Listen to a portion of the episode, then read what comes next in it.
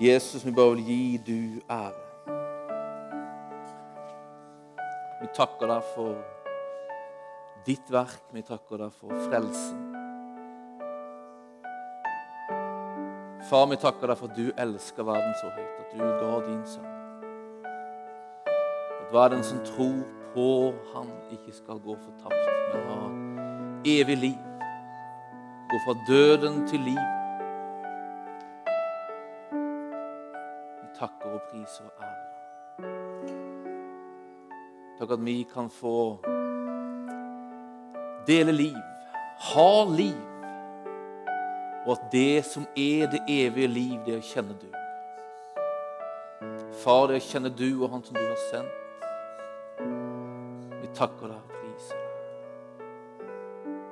Ære og lover deg. Bare ber, Herre, denne kvelden skal bli en kveld, Herre, der det er ditt rike, det er din seier for å ha framgang i våre liv. At den skal tjene, Herre, dine hensikter, dine tanker med våre liv. Vi bare vil venne oss til deg, vi bare vil ha åpne ører og åpne hjerter. For at ditt ord skal få tale, ditt ord skal få gjøre et verk i oss. Vi priser deg,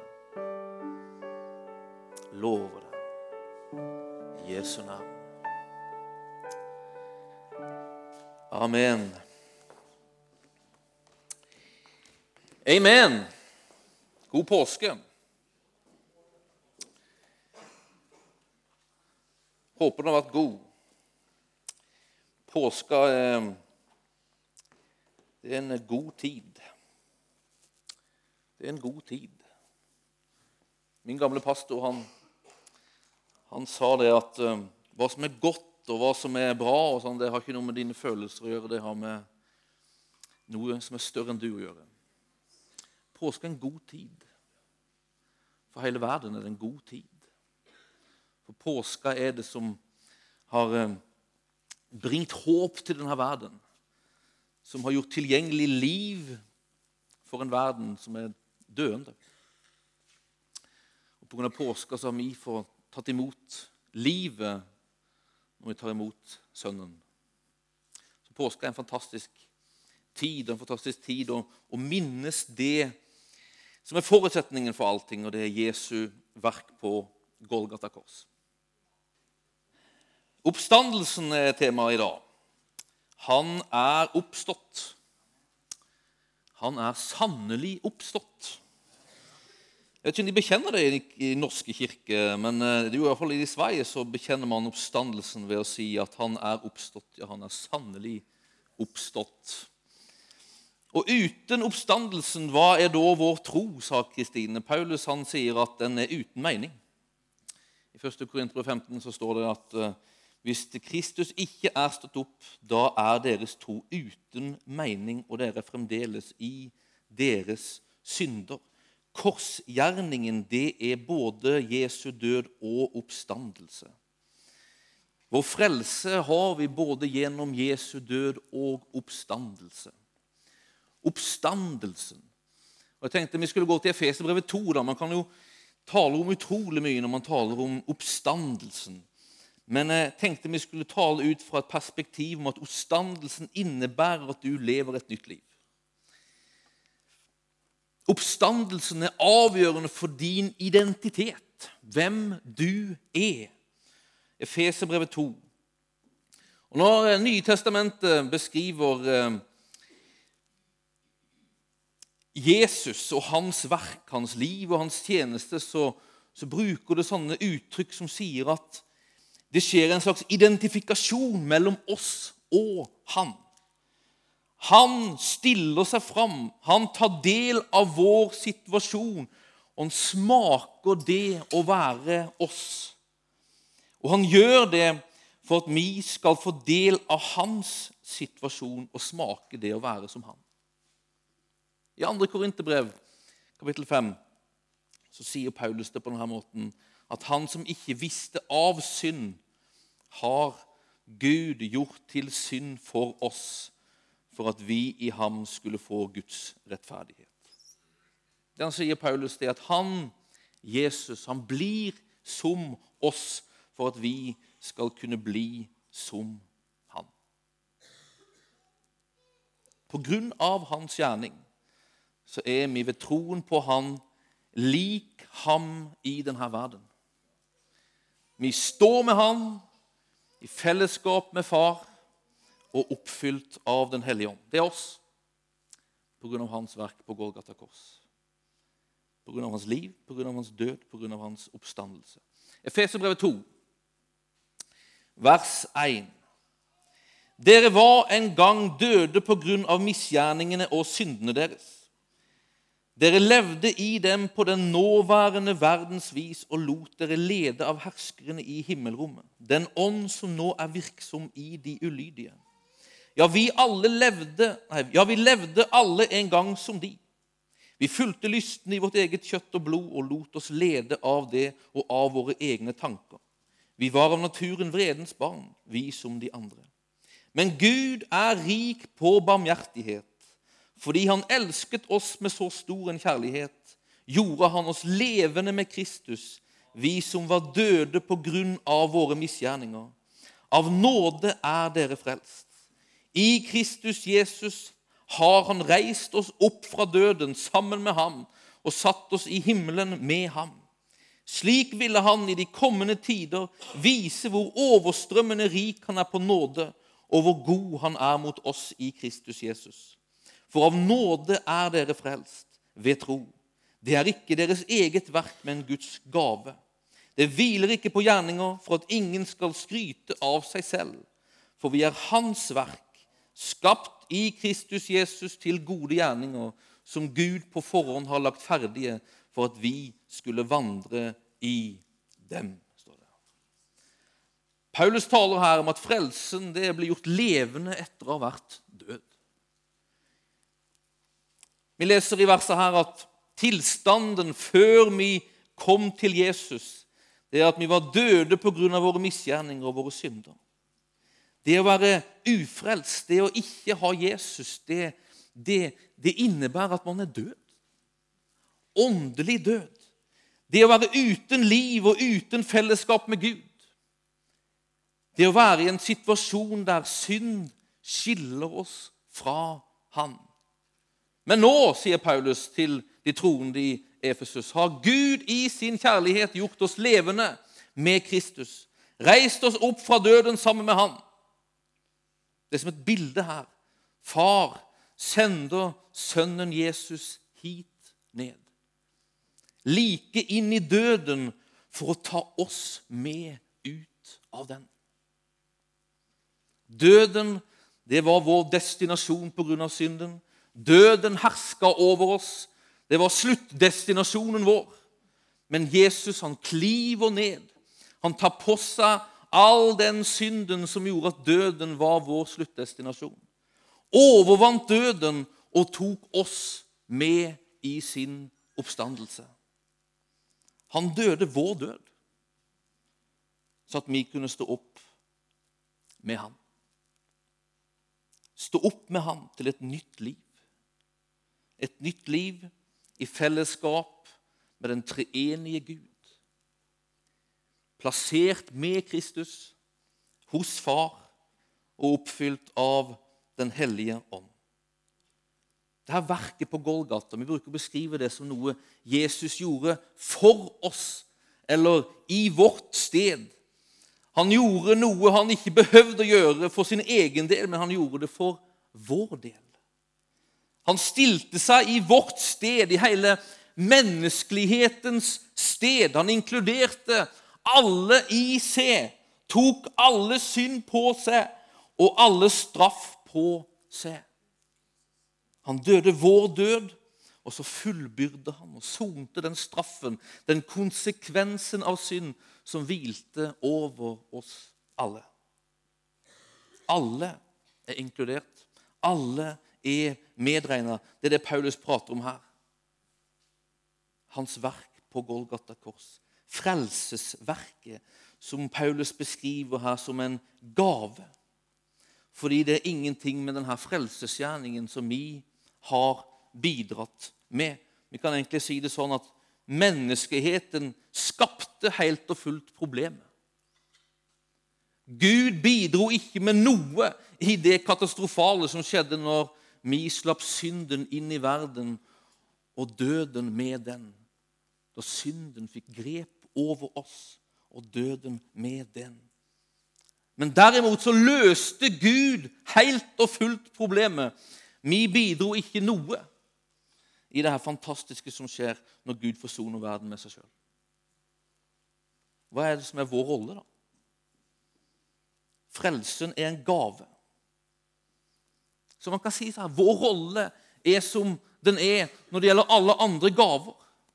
For at en gave skal bli til glede, for at den skal ha noe nytte for oss, så må gaven tas imot. Vi vet alle at en gave har ikke noe særlig nytte før den tas imot, før den åpnes, og før den gis en plass i livet vårt. Når jeg får sokker til jul, så gjør den veldig lite nytte de gjør det hvis ikke jeg åpner den og lar sokkene få en plass i mitt liv. Frelsesgaven det er en dårlig sammenligning, men frelsesgaven på samme måte må tas imot for at den skal ha noe nytte, for at den skal bli virksom i livet vårt. For at vi skal på en måte dø med Kristus og få del av en oppstandelse lik hans, så må vi ta imot den gaven. Vi må si ja til den. Vi må si til Gud regn med inn i den gjerningen.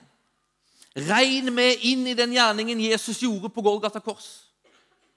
Når vi sier ja til den, tar imot den, sier det til Gud, så regnes vi med.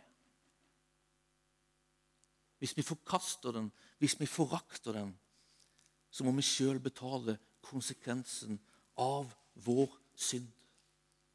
Hebreerbrevets forfatter sier det at om vi tramper Guds ønn under våre føtter, hvis vi forakter og forkaster Hans verk på Golgata kors, så fins det ikke lenger noe offer for synd. Da fins det ikke lenger et, en død for din skyld. Det fins ikke lenger en betaling i ditt sted for din synd. Da må du sjøl betale konsekvensen av det. Men Gud har beredt en vei, en frelse, for hver den som tror. En gave for oss til å ta imot. Dette er frelsen. Dette er et helt nytt liv. Dette er en helt ny situasjon. Det er et liv som som ikke bare handler om at vi en gang skal komme til himmelen og være med Gud der. Nei, det innebærer òg at vi lever med Han allerede nå. Hele denne utlegningen i Efeserbrevet 2 den står i fortidsform. Det er noe som har skjedd. Vi har oppstått med Kristus. Vi har blitt gjort levende med Kristus, og vi sitter med Kristus. Vi lever med Han. Dette er Guds verk. Det er Han som har gjort det. Dette var gjeldende for de troende i Efesus, og det er, de, det er gjeldende for de troende i Froland. Det er gjeldende for de troende i Froland misjonskirke denne kvelden. Vi har oppstått med Kristus til et nytt liv, der vi lever med Han, der vi sitter med Han. Men når vi har blitt forent med Kristus på dette settet, har dødd med Han, har blitt begravet med Han og oppstått med Han, da lever vi med Han. Paulus beskriver det her nye livet i Galaterbrevet med, i Galaterbrevet 2 står det Det livet jeg lever nå, det lever jeg ikke lenger selv, men Kristus lever i meg. Det her nye livet, det er virkelig et nytt liv. Din situasjon er ikke den samme som før du tok imot Jesus. Vers 1-3 er, er ikke lenger en beskrivelse av din situasjon. Du er ikke den samme. Vers 10 sier at vi er Hans verk, Guds verk, skapt i Kristus Jesus. Den som er død med Han, begravet med Han og oppstått med Han, er en ny skapelse. Du er forent med Kristus. Den hellige ånd, Guds egen livgivende ånd har tatt bolig i du og gjort du levende. Og du har fått fellesskap med Gud, din far. Det her er du. Det her er Guds ord om du. Det her er din identitet. Den kraft som vekka opp Kristus fra de døde, bor i oss, hørte vi Kristine sa. Ved den kraften så fødte han du på nytt.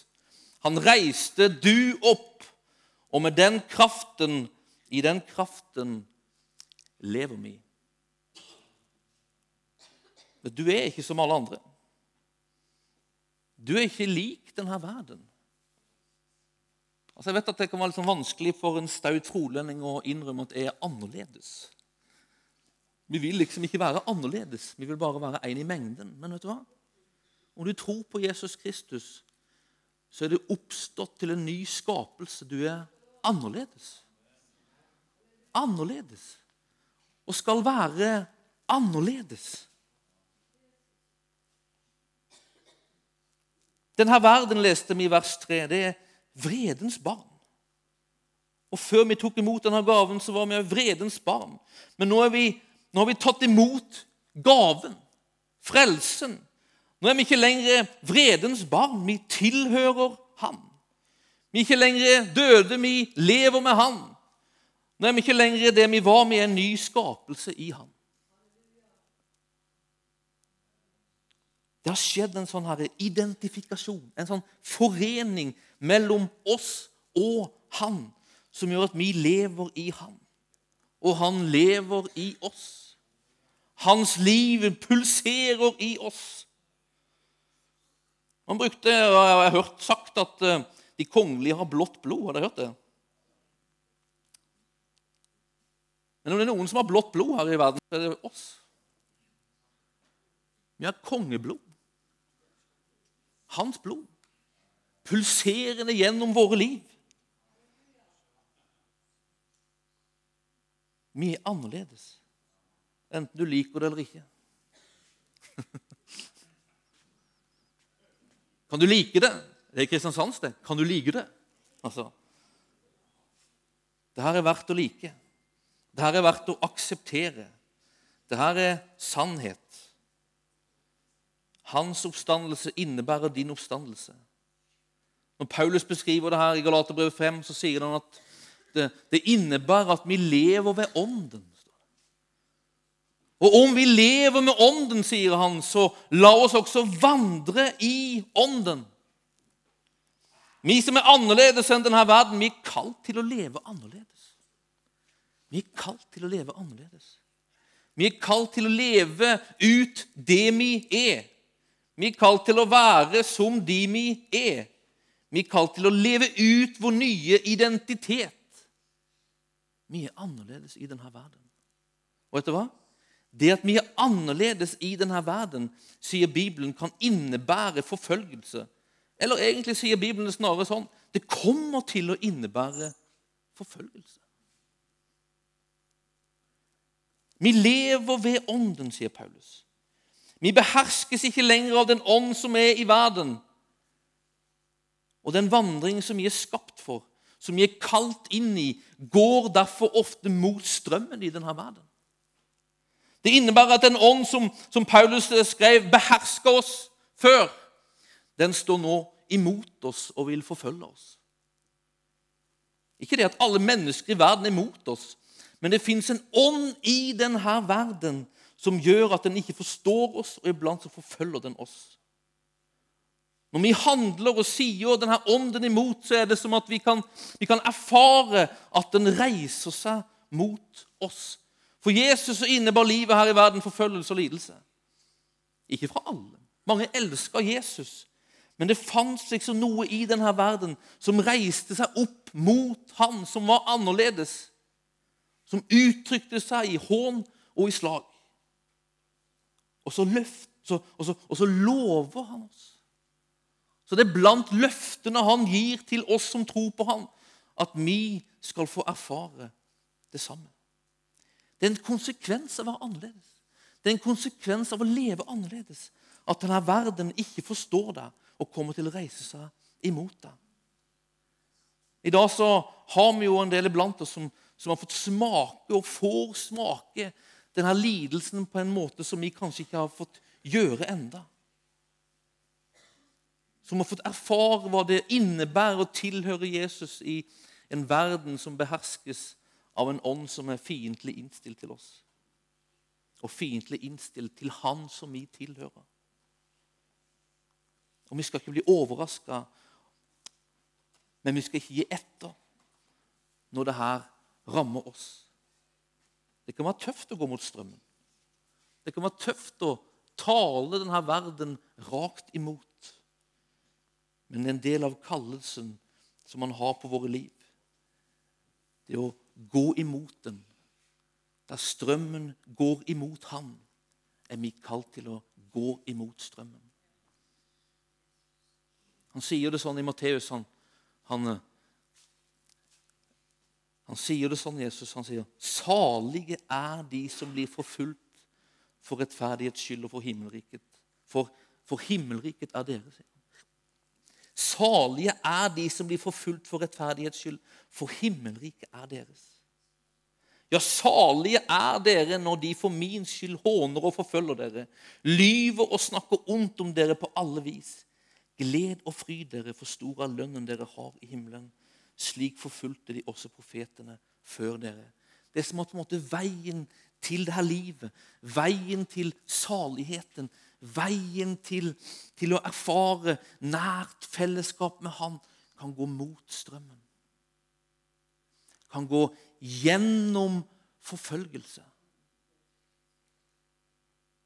Det kan være tøft å gå mot strømmen.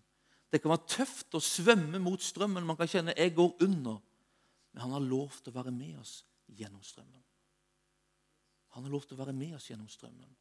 Men han har lovt oss en strøm mot oss. Det er en del av det å være annerledes. Det er en del av kallelsen til å leve annerledes fordi vi er annerledes.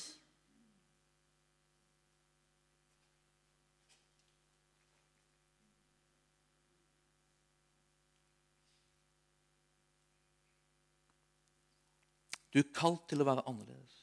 Du er kalt til å ha et annet fokus. Til å prioritere annerledes. Til å leve annerledes enn før.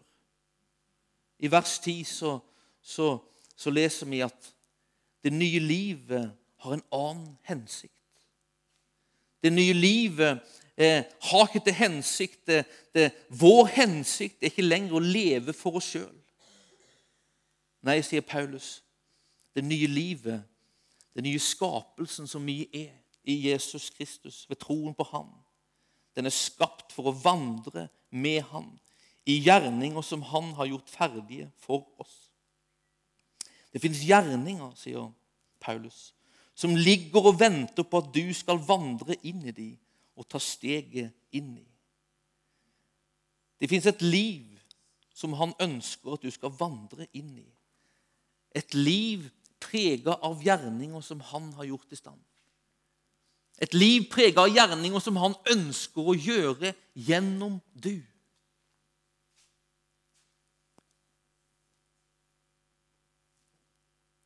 Det fins gjerninger som han ønsker å gjøre gjennom du.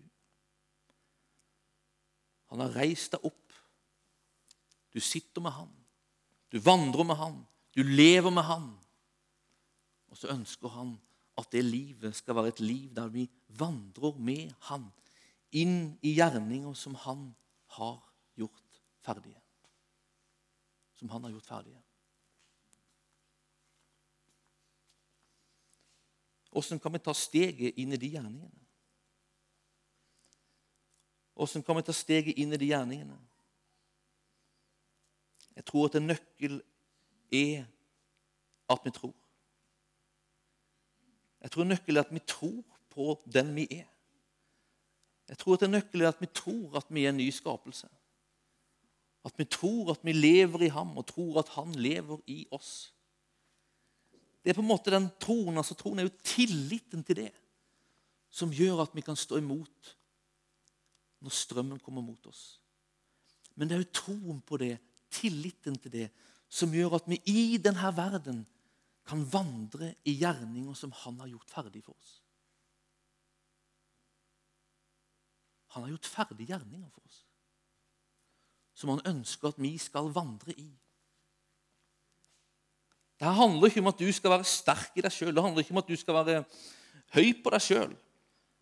Det handler om å, om å se at her har jeg ingenting å bidra med, så her lar jeg Han slippe til. Det handler ikke om å ha en veldig tro på deg sjøl, men det handler om å ha en veldig tro på Han som er i det. Det handler om å være ydmyk. Av og til så tenker vi som at ydmykhet handler om å tro så lite om oss sjøl at det inkluderer å tro lite om hans mulighet til å virke i oss og gjennom oss. Men det å være ydmyk i bibelsk forstand handler om å bøye seg under Gud og gi Han rett.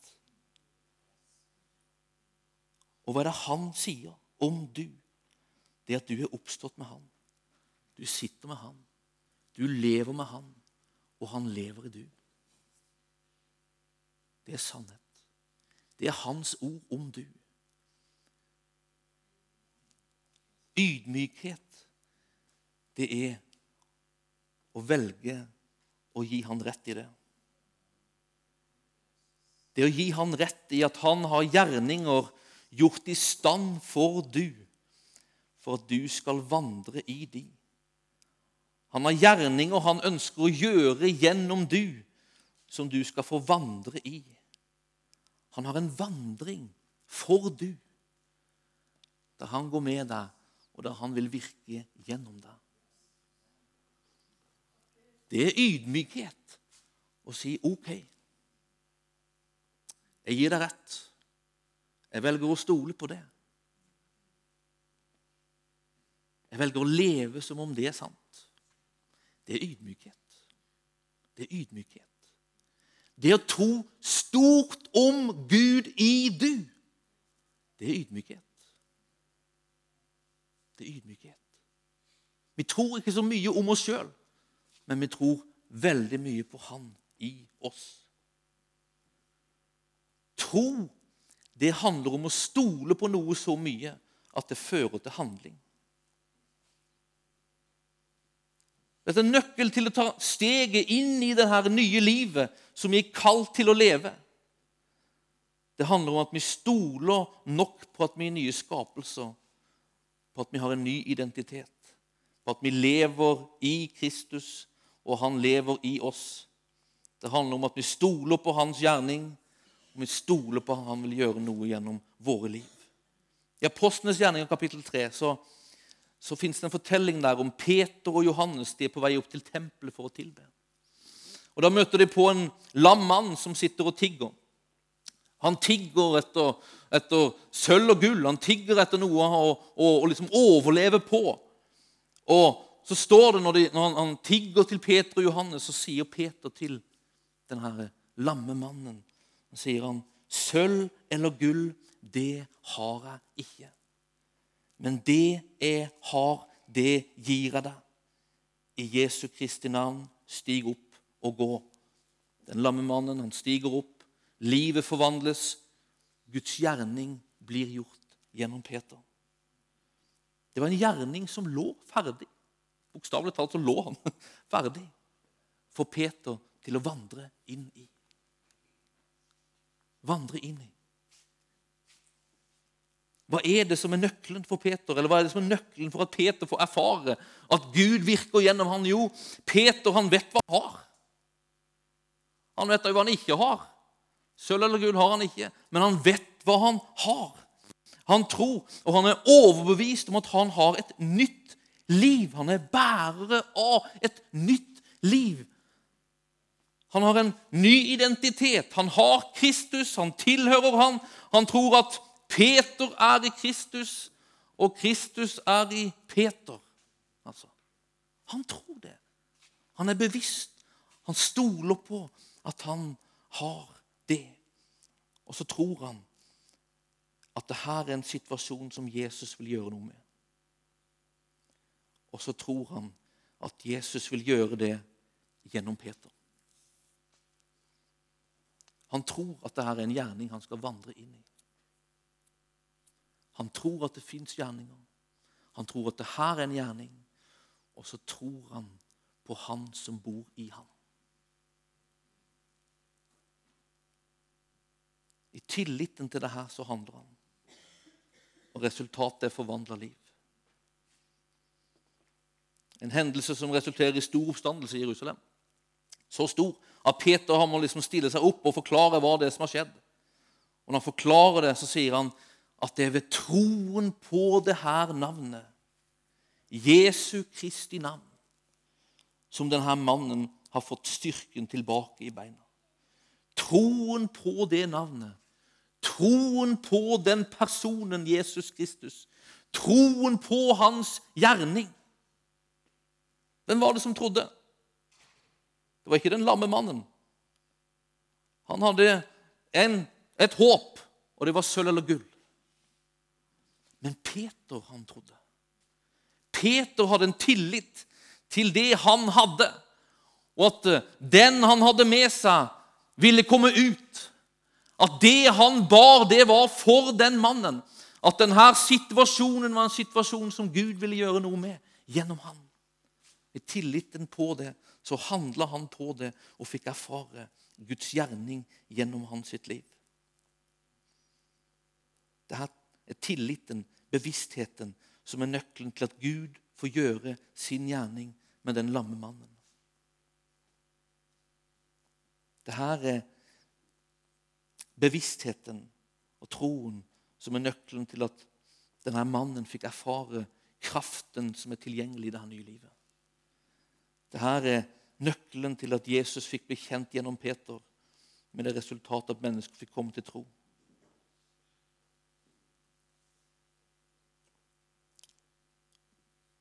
Hva har du tro for i gjerninger Gud har gjort i stand for du? Fins det helbredelser som Han ønsker å gjøre gjennom ditt liv? Fins det profetiske ord som Gud vil gjøre gjennom du? Fins det smil han ønsker å smile gjennom du? Fins det byrder som han vil bære gjennom du? Fins det ord han ønsker å tale? Sanger han ønsker å synge? Tjenester han ønsker å gjøre gjennom ditt liv? Jeg tror ja. Jeg tror ja. Hans ord sier at det her nye livet det inneholder gjerninger som venter på du. Nøkkelen til å komme inn i de, oppdage de, se de og kunne handle på de, det er tillit til at gjerninger fins gjort i stand for akkurat du. Og det er tillit til Han som bor i du. Det er tillit til at Han har reist du opp tillit til at du lever i Han, og Han lever i du. Den tilliten Den tilliten er nøkkelen at vi skal se de, ane de, og våge å handle på de. Tilliten til det. Tilliten til det. Åssen oppstår denne troen? Åssen oppstår en tro på den vi er?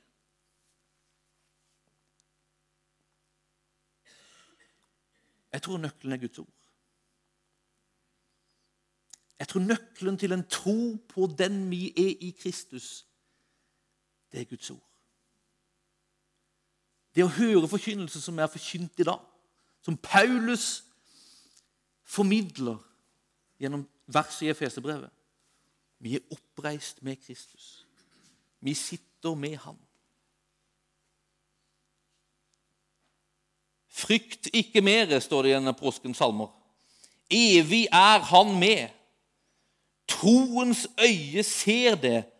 Han gir liv og fred.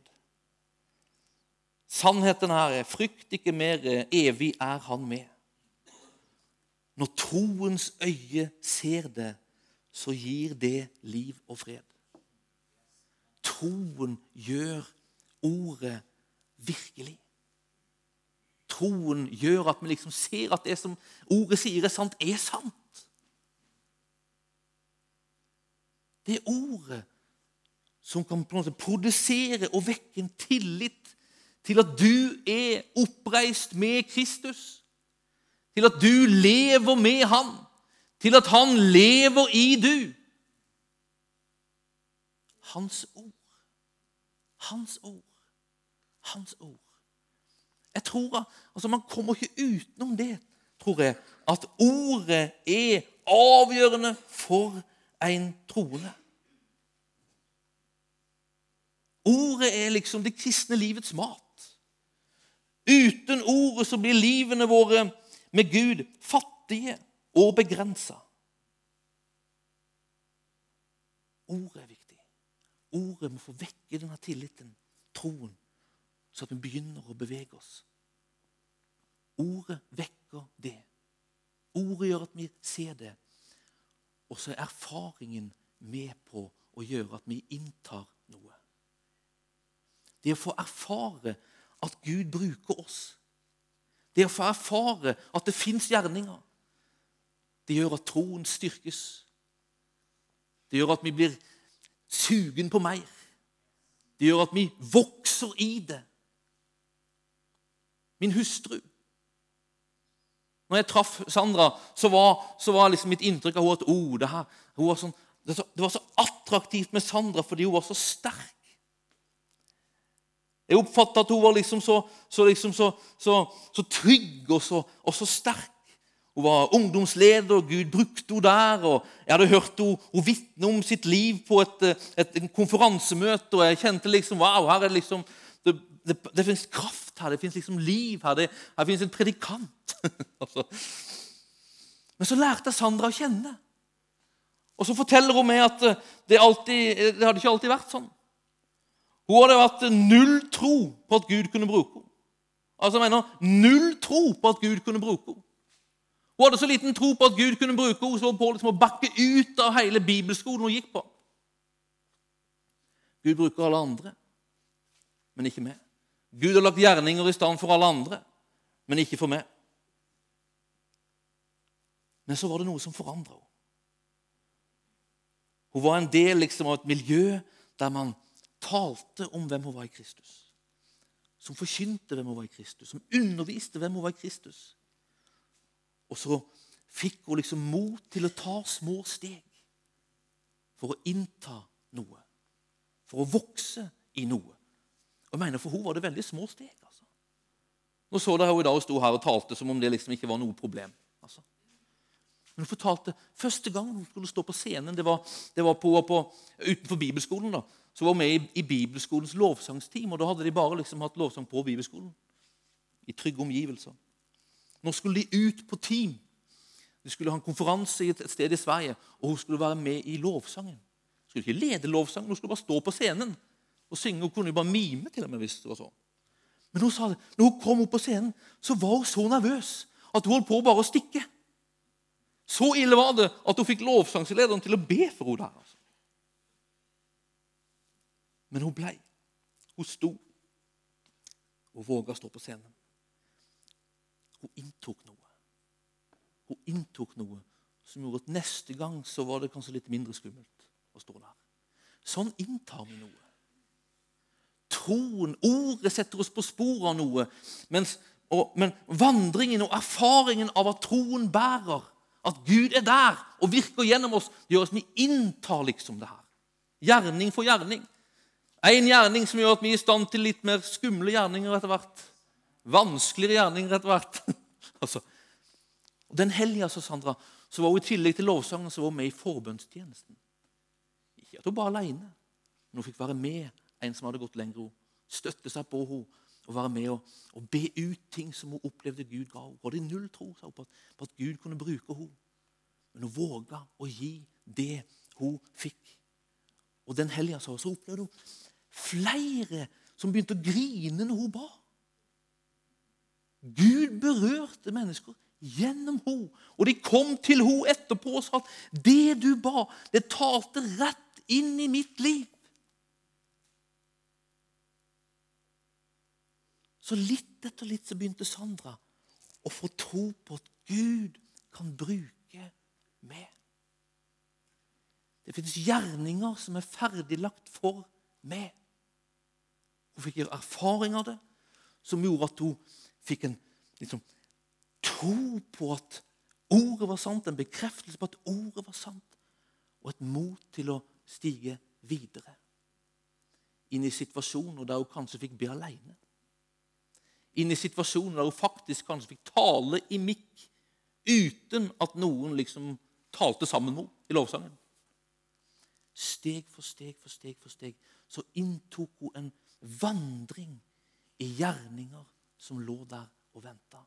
Det fins gjerninger som venter på du og på meg. De ser ulike ut, men de fins der. Har du tro på det? Har du tro på det? Har du tro på det? Vi er Hans verk, skapt i Kristus Jesus til gode gjerninger, som Gud på forhånd har lagt ferdige for at vi skulle vandre i de. Gjerninger som du skal vandre i. Det fins situasjoner der han ønsker holdt på å, si, å pirke deg på skuldra og si jeg vil ut.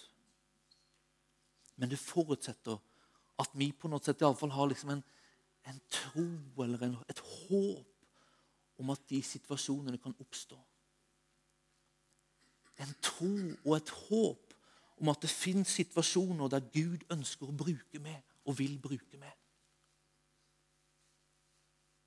Og en tro og en tillit på at i de situasjonene så er ikke du alene. I de situasjonene så er det ikke du som er hovedperson engang. I de situasjonene så er det han som er X-faktor. Det er han som vil ut. Det er han som vil virke sine gjerninger gjennom ditt og mitt liv. Troen kommer av forkynnelsen, forkynnelsen av Kristi ord. La sånne ord som det her, altså, fra Efeserbrevet 2 om hvem vi er i Kristus. Det er nye livet, din nye identitet, får tale til deg, prege deg.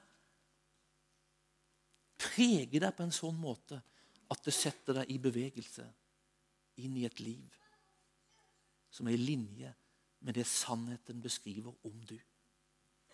Sannheten beskriver et liv for du, der det fins gjerninger gjort i stand for deg, så at du sammen med Han kan få vandre inn i dem. Amen. Himmelske Far, vi takker deg for at du har gjort dette verket med oss.